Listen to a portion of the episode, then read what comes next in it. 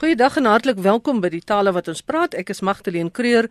My twee gaste is Dr Willem Botha en Dr Frikkie Lombard. Hulle is van die Woordeboek van die Afrikaanse taal, daardie instansie wat sorg dat ons taal geboekstaaf word as ek dit korrek het. Nou Frikkie, ons begin met jou. Jan Koetser het 'n klippie in sy skoen oor die gebruik van die woord borg. Ek neem aan dis seker uh, in teenstelling met borg tog. Hy uh, hy sê hy het 'n probleem met die hedendaagse gebruik van die woord borg waar dit nie verband hou met die borg wat aan 'n beskuldigde in 'n kriminele saak toegestaan word nie Magdalene. Uh, hy sê eintlik borgskap was oorspronklik bloot bedoel dat dit die bereidheid moet wees om pa te staan vir enige moontlike verliese vir die geborgde en dis uh, is dit in skrille kontras met die verdoeselde insamelings en reklameveldtog waarin dit tans ontaard het uh, en hy dan ook 'n probleem met die borgskap van woorde die die feit dat ons borg van woorde gebruik eintlik uh, hy wil hê dit moet anders wees. Nou al wat ek vir Jan kan sê is 'n mens moet maar aanvaar dat uh, in die taal woorde wat selfs een net een betekenis gehad het of soos ons sê monosemies was dikwels meer as een betekenis bykry. Hulle word polisemies hulle kry ander betekenis onderskeidings by. Ek gaan sommer een ou uh, voorbeeld gebruik. 'n Kwantumsprong byvoorbeeld was oorspronklik net 'n uh, term wat in fisika gebruik is. Maar vandag het hy ook ook 'n oordragtelike betekenis. Dit is 'n ingrypende handeling wat verrykende gevolge het of kan hê. Met ander woorde, ons dit is 'n normale proses dat woorde kan betekenismatig uitbrei. En die vraag is ook wil ons borg gebruik of wil ons die roete uh, neem wat Nederlands het wat sommer van 'n sponsor begin praat, iets heel anders. Wat wil ons doen? Ek sal sê ons kies om berg borg se betekenis uit te brei en dit het inderdaad al reeds so gebeur. In die regswoordeboek van Isak en Johan Smuts het daar byvoorbeeld by betekenisonderskeiding nommer 3 van borg word die nuwe betekenis ook al reeds regskundig bereken en dit is die betekenis sê maar dat 'n borg iemand is 'n adverteerder wat die koste van 'n byeenkoms, 'n uitsending, 'n publikasie of dergelike betaal of subsidieer met die oog op bevordering van die afset van sy produk. Ons gaan nou na 'n anonieme persoon toe wat gesê het dat sy die woord gekonfyt gebruik wat sy haar lewe lank ken en gebruik. Sy weet ook wat dit beteken. Dit beteken bekwam of bevoeg of selfs handig. Nou wonder sy net waar die woord vandaan kom. Ja, Magdalene, dit is heel interessant. Ons ken konfyt as 'n selfstandige naamwoord. Daar is lekker ny wat ons op ons brood smeer, maar daar's ook konfyt die werkwoord en dit is waar die uitdrukking vandaan kom. Die werkwoord beteken met dik suikerstroop deurdrenk deur dit daarin te kook of in te maak. Dan kry jy byvoorbeeld 'n uh, sin daarmee soos môre word die wat lemoenstukke gekook totdat elke stuk deur en deur gekonfyt is. En dit is hierdie betekenis van die werkwoord konfyt wat reeds in 1590 in Nederland 'n uh, figuurlike toepassing gekry het. Met ander woorde, 'n mens, 'n persoon is deurtrek van iets, net soos konfyt of ingelegde vrugte deurdrink of deurtrek is met stroop. Die persoon is dus goed bekend met iets, hy ken dit deeglik of hy's baie vaardig daarmee. Interessant genoeg, in Nederlands uh, kan gekonfyt 'n negatiewe en 'n positiewe betekenis hê. Terwyl in Afrikaans gebruik ons dit uitsluitlik positief. In Nederlands uh, gebruik hulle dit negatief, byvoorbeeld in sinne soos hy is 'n vrolike vent wat deeglik gekonfyt is in slegte streke of hy is 'n gekonfyte deugniet. Maar soos ek sê in Afrikaans is dit altyd positief. Uh verder interessantheid in Afrikaans is net jy kan of sê iemand is gekonfyt met iets of jy kan net sê iemand is konfyt met iets. Ek het hier 'n voorbeeldsin uit die WAT. Toby is nog nie so konfyt met die bestuur van 'n motor dat dit vir hom raadsaam is om in die donker te bestuur nie. En uh, ons het ook 'n interessante uitdrukking moet gekonfyt. Dik gekonfyt wees beteken om baie heg of intiem met iemand bevriend te wees en dis aanvanklik opgeteken daar in Calvinia se wêreld. Ons gaan na Frikkie toe vir die volgende vraag. 'n Luisteraar het 'n rukkie gelede die woord petrikor raak geluister. Spelling is P E T R I C H O R. Sy wil nou weet wat dit beteken en waar dit vandaan kom, Frikkie. Ja, dit is vir my tog 'n vreeslike mooi woord eintlik. Petrikor is daardie kenmerkende reuk wat vrygestel word nadat daar reën op droë grond geval het. Veral as die grond nog so bietjie warm gebak is, dan kry jy mens mos daardie wonderlike aardse reuk van die grond wat uitgewalm word as dit ware wanneer die reën daarop val. En die interessante is is die herkoms ook. Nou die Petter gedeelte ken ons, dit kom van die Grieks Petra wat rots is en ons ken ook Petrus, die rots waarop die gemeente gebou is. So dit is rots, die ikor gedeelte beteken gewoon die vloeistof wat in die are van die gode vloei. Met ander woorde, dit is asof die die vloeistof wat in die are van die gode vloei aanwesig is in die rots of in die aarde. En dit word dan verlos wanneer die reën daarop val.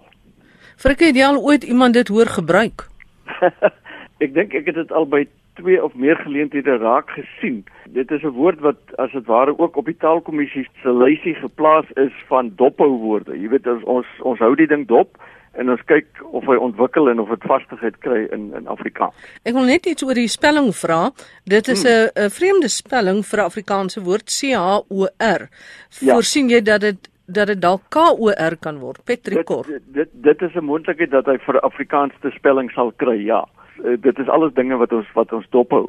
So ons sê ons sal die ontwikkeling van hierdie woord goed dophou en in fyn karteer en hom dan uiteindelik opneem as dit jy weet as dit blyk dat hy genoeg gebruik word in Afrikaans. Die volgende vraag gee ons weer vir Willem. Marihan Erasmus wys op 'n foutiewe gebruik van die ontkenning in Afrikaans. Byvoorbeeld, die polisie wou verhoed dat die stakers nie weer skade aanrig nie. En dan is daar 'n ander vraag ook van uh, Fred Daniel van Pietersburg. Hy's 'n oud SAICaner.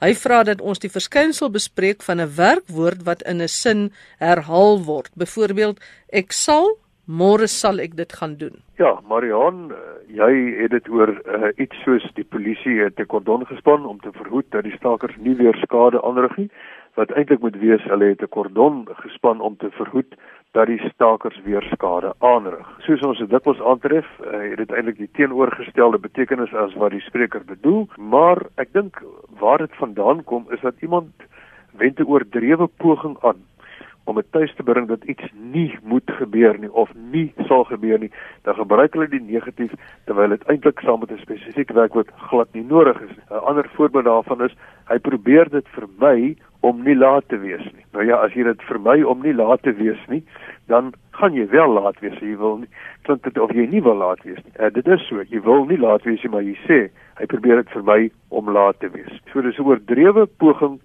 om dit tuis te bring dat iets nie moet gebeur nie en in die proses stel jy dit eintlik positief. Die bekendste hiervan is uh, die ou uh, mededelingkie niemand vertel my nooit niks nie in plaas van niemand vertel my ooit iets nie. So mense kan die negatief oor dade gebruik in 'n poging om 'n sekere gedagte te bring dat iets nie sal gebeur nie. So mense moet versigtig wees by woorde soos vermy of verhoed daarna volg 'n positiewe stelling. As dit is iets wat hulle wil nie laat gebeur nie maar dan sê verhoed dat hy skade aanrig dan beteken dit hulle wil nie dat hy weer skade aanrig nie. Dan het ons uh, Fred Daniels wat sê hy hoor um, uitlatings soos ek sal môre sal ek dit doen. Nou vra hy verder dink sprekers dat dit deftig is of volg hulle dalk iemand se verkeerde voorbeeld? Ek dink nie dit is daardie twee redes is is die oorsaak hiervan nie Ek dink dis weer eens maar net 'n beklemtoning dat iets wel sal gebeur of dat iets wel gedoen sal word. En dit is heeltemal onnodig. Mens kan maar net die sal beklemtoon. Ek sal dit môre doen. Jy hoef nie te sê ek sal môre sal ek dit doen nie. Jy hoef nie te herhaal nie. Jy kan net 'n spesifieke woord beklemtoon, naamlik ek sal dit môre doen. Frikkie, wat presies is 'n petrolkop? Wil Ben van Stellenbosch weet en ek dink jy sal weet want is jy dan nie ook eene nie? dink ja, ek dink baie mans is maar uh, seker petrolkoppe en daar's natuurlik dames ook. 'n Mens vind dit veral in sinne soos die volgende, jy weet, hy is 'n regte petrolkop by al wat motorskouers sal jy hom sien of uh hy weet alles van motors, al die spesifikasies, die versneltye, die petrolverbruik, alles. Hy is 'n regte petrolkop. Nou dit is dan maar iemand wat baie entoesiasties is oor motors of voertuie in die in die algemeen vir al die wat van binnebrand engines gebruik maak en dan ook vir al die wat petrol as brandstof gebruik. Het dit 'n positiewe of 'n negatiewe konnotasie? Man, weet jy, soos ek dit teëgekom het, is dit betreklik neutraal. Dit hang seker af wie dit gebruik, jy weet, jy jy, kan seker praat van 'n klomp petrolkoppe uh en dan dit effens uh, negatief bedoel. Maar uh, as iemand na my as 'n petrolkop sal verwys, dan sal ek nie vreeslik aangekap voel daaroor nie. Ek sal dink wel die persoon bedoel dit eintlik maar net ek is entoesiasties oor motors. Ja, en jy's 'n motorfietsryer en uh, jy het ook 'n baie groot motorfiets. Sou 'n mens hmm. kan sê jy's 'n petrolkop met ander woorde stel jy belang in wat binne in daai motorfiets aan die gang is. Man, ek ek weet nie of eh, die term petrolkop ook beteken dat jy nou meganies noodwendig vreeslik vaardig is nie. Gewoonlik stel die die mense wat hulle self petrolkoppe noem, weet hulle genoeg van hoe werk 'n uh, binnebrand engine. Jy weet dat daar 'n plofslag is en 'n seier afgedruk word en dan daar dat daar 'n uitlaatslag is en al die soort van dinge. 'n Basiese kennis, maar ek dink nie noodwendig jy kan nou soos 'n werktuigkundige gaan en 'n ding uitmekaar uithaal nie. Sekere petrolkoppe kan dit seker doen. Ek is nie een van hulle nie. Ek kan nie daarby ek het al gelees dat motorjoernaliste heel goedig na hulle self verwys as petrolkoppe. So hulle voel heel positief daaroor. nou ja, toe Willem Ludwig Visser van Vereinstop vra waar die gelag in die gelag betaal uh vandaan kom. Ja, Ludwig skryf verder dat uh, hy wonder of dit iets met Lucies te doen het waarvoor 'n mens moes betaal destyds in die herberg. En was die gelag dalk die voltooide uh, verlede deel word van lig of liggen in Nederlands beteken om te lê of te rus terwyl jy luseer en dan moet jy daarvoor betaal. Nou Ludwig, ek het bietjie gaan kyk in Anton Prinsloo se uitdrukkings en waar hulle vandaan kom. En jy is uh, redelik in die kol met al jou vermoedens. Die gelag betaal in Afrikaans beteken uh, om te boet vir iets wat jy verkeerd gedoen het. Maar in Nederlands beteken gelag uh, die koste van die voedsel en drank wat tydens 'n feesmaal gebruik word, veral dan nou vroeër jare in 'n herberg. So daardie onkoste van die voedsel en drank, dit is die gelag. En dit kan ook bloot beteken 'n geleentheid waar gedrink word. So praat die Nederlanders van eenstaand gelag. Met ander woorde, dit is 'n geleentheid waar tydens die manne staan en drink in die kroeg. 'n Staand gelag. En ten slotte Anton sê ook dat uh, die gelag hou waarskynlik verband met die woord gelê. So daar is jou vermoede ook eh, korrek, uh, maar die algemene uh, betekenis hier is dat gelag verwys eintlik na die koste van voedsel en drank tydens 'n feesmaal. So iemand moet betaal en uh, die gelag wat jy moet betaal is aan die koste van die ete en die drink. En deesdae is dit so so duur. dit is duur ja, en dit is altyd lekker om die gelag te betaal, né? Frans met vra na die gebruik van wat en dan iets heel anders ook uitbreking teenoor uitbraak. En Frikkie, gaan jy vir ons verduidelik? Wat Frans sê is hy sê waar kom die al ewige wat uh, vandaan wat mense baie keer gebruik in 'n sin soos AB AB de Villiers wat gaan kolf in plaas van sommer net te sê AB de Villiers gaan golf of die nuus wat gelees word deur Willem Pelser in plaas van die nuus word gelees deur Willem Pelser. Ek, ek dink nie dit is foutief nie Frans, ek dink net dit is miskien onnodig om die wat in bepaalde omstandighede te gebruik soos wat jy uh, hier uitwys. Wat vir my belangriker is is dat jy as jy die wat gebruik dat jy dit dan korrek gebruik. En dit is inderdaad die korrekte gebruik. Ek wil baie keer my hare uit my kop trek as ek hoor van kollegas wie se kinders wat nog op skool is sekere goed leer soos dat die antecedent dit is die woord wat voor 'n betrekkelike voornaamwoord kom die antecedent as dit bepaal of jy gaan sê wat of wie en dit is gewoon nie waar nie of 'n mens of daardie antecedent nou iets is of 'n voorwerp is of 'n man is of 'n vrou is of 'n kind, dit word gevolg deur wat. Met ander woorde die die emmer wat ek skop of die man, die vrou of die kind wat daar loop, nooit wie nie. Behalwe as daar 'n voorsetsel bykom, die man met wie ek praat, die vrou van wie ek praat of oor wie ek praat, dan kan ons dit doen. Maar andersins altyd die man wat, die vrou wat, die kind wat, die vark wat. Frikkie, um, ek dink dit is omdat ons op skool geleer het en ek weet nie vandag nog nie, jy het so 'n rympie geleer mense is wie in dinge is wat. Mm. Maar jy is nooit verder geleer dat dit eintlik maar moet wees aan wie of van wie of wie se nie. Presies, ja. En ek daar dink ek daar het miskien nou, jy weet, daar het nou 'n onduidelikheid begin ontstaan. Ja. Uh maar ons ek ons sê dit maar by herhaling gebruik asseblief wat as 'n betrekkelike voornaamwoord of jy nou van mense of diere of wat ook al praat. Verder sê Frans, waar kom die gebruik van hoog in? Ek smokkel dit ook in hier want hy het dit geskryf soos die voedsel is hoog in vette in plaas van die voedsel bevat baie vet of die voedsel het 'n hoë konsentrasie vet. Nou Frans, ek het al gehoor van iemand wat gepraat het van die vleis is hoog. En toe ek nou gewonder nou wat dit duiwel beteken dit totdat ek agtergekom het maar die Engelse sê the meat is high, maar ons praat daarom nie so nie. Ons sê die vleis is af of die vleis het 'n klankie of selfs 'n kraakie.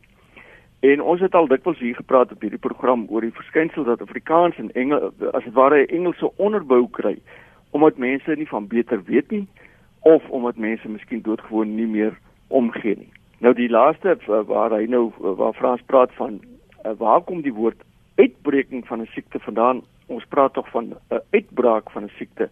Want mense sê mos daarom nie uh, tydens 'n inbreking is daar iets gesteel nie, maar tydens 'n inbraak. En verder sê hy van daar nie afbreking van plantmateriaal plaas nie, maar eerder afbraak van plantmateriaal. Nou Frans, die taal is nie altyd 'n logiese ding nie. Inbreking werk nie lekker nie, omdat ons praat van inbraak. Maar die feit dat inbreking nie werk nie, beteken nie noodwendig dat ons alles na 'n analogie daarvan moet doen nie. Ons kry wel heel deeglik die uitbreking van koorsiekte of die uitbraak daarvan. Dit dit kom voor.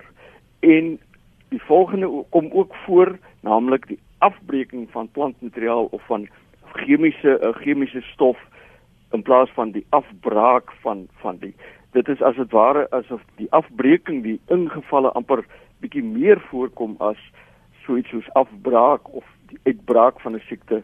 Ek dink dit is dit is gewoon soos die taal loop en die taal is nie altyd logies nie en ons kan nie altyd gebruik maak van analogie nie dit werk nie na alle kante toe nie. En as mense nou sê daar's 'n uitbraak of 'n uitbreking van slenkdalkoors. Wel albei kan gebruik word. Hmm. Ek albei as 'n mens gaan kyk na voorbeeldmateriaal praat daarom nou nie heeltemal van uh, elke uh, Jan Rapp en sy maat wat skryf nie maar van, van mense wat redelik bekwam skryf dan sal jy vind dat hulle kan praat dat hulle praat van uitbreking van die siekte of die uitbraak van die siekte. Goed, dit lyk my ons het tyd vir nog so een vraag. So Willem, jy gaan kans kry en ons vra vir jou 'n vraag van Leon Kutse. Hy sê hy soek 'n voorstel of hy het 'n voorstel vir die Afrikaans vir rumble strip. Nou moet jy eers verduidelik wat 'n rumble strip is. ja, hy het eh, hy het 'n voorstel gemaak. Ek sal nou daarop ingaan, maar sy voorstel is 'n druisdrumpel en dit dit klink nogal heel goed, maar uh, baie onlangs het ons afgekom op die volgende woorde vir die Engelse rumble strip, naamlik 'n dreenstrook, 'n rammelstrook of 'n ruffelstrook. En die verklaring daarvoor is dit is hierdie grouwe geriffelde stroke op 'n padoppervlak. Gewoonlik 'n hele paar wat op 'n bepaalde afstand van mekaar voorkom wat deur die geraas wat die voertuig se bande maak wanneer daar gery word of deur die gepaardgaande vibrasie wat veroorsaak word die bestuurder waarsku aangaande 'n naderende aansluiting 'n kruispad of gevaar of dat spoed verminder moet word dis nou daardie stroke magdreen wat jou so laat skrik. Nou jy skrik jou mors dood as jy nie gewoond is aan hulle nie. En dis jy's presies wat hulle wil doen. Hulle wil jou wakker maak, hulle wil jou bewus maak van 'n kruispunt of 'n aansluiting of net dat jy jou spoed moet verminder. Maar baie dankie Leon, dit is is, is 'n mooi voorstel. Maar interessant genoeg is daar onlangs drie pragtige nuwe woorde in Afrikaans geskep hiervoor, naamlik dreenstrook, rammelstrook en ruffelstrook. Maar uh, ons teken 'n druisdrumpel hier by ons aan en mense weet nooit, hy mag dalk ook nog eendag uh, ingang vind in die algemene taalgebruik. Ek het gehoor dat iemand gesê het hulle gaan nou ruffelstroke aan die motorbande aanbring sodat wanneer jy hoor as 'n sekere spoed ry dan het daai selfde effek. Ja, Dink jy dit gaan werk? Wel, ek weet nie, hulle sal seker net ander bande opsit, maar dit sal nogal hinderlik wees as jou bande begin raas as jy oor 'n sekere snelheidsgrens gaan, né? Ja, maar dan sê jy weet jy mag nie oor hy grens gaan nie. Ja, maar uh, hulle sê seker dwing om om om dit uh, om sulke bande te koop, né? Ja. So jy kan jou nie daarvan jy kan nie loskom nie. Ek hoop maar die daardie tipe bande bly nog lank weg en daarmee moet ons nou halt roep. Ons tyd is verstreke. Baie dankie Dr Willem Botha en Dr Frikkie Lombard van die Woordeboek van die Afrikaanse taal vir julle deelname aan vandag se die tale wat ons praat. En ek is Magdalene Creer wat groet tot 'n volgende keer.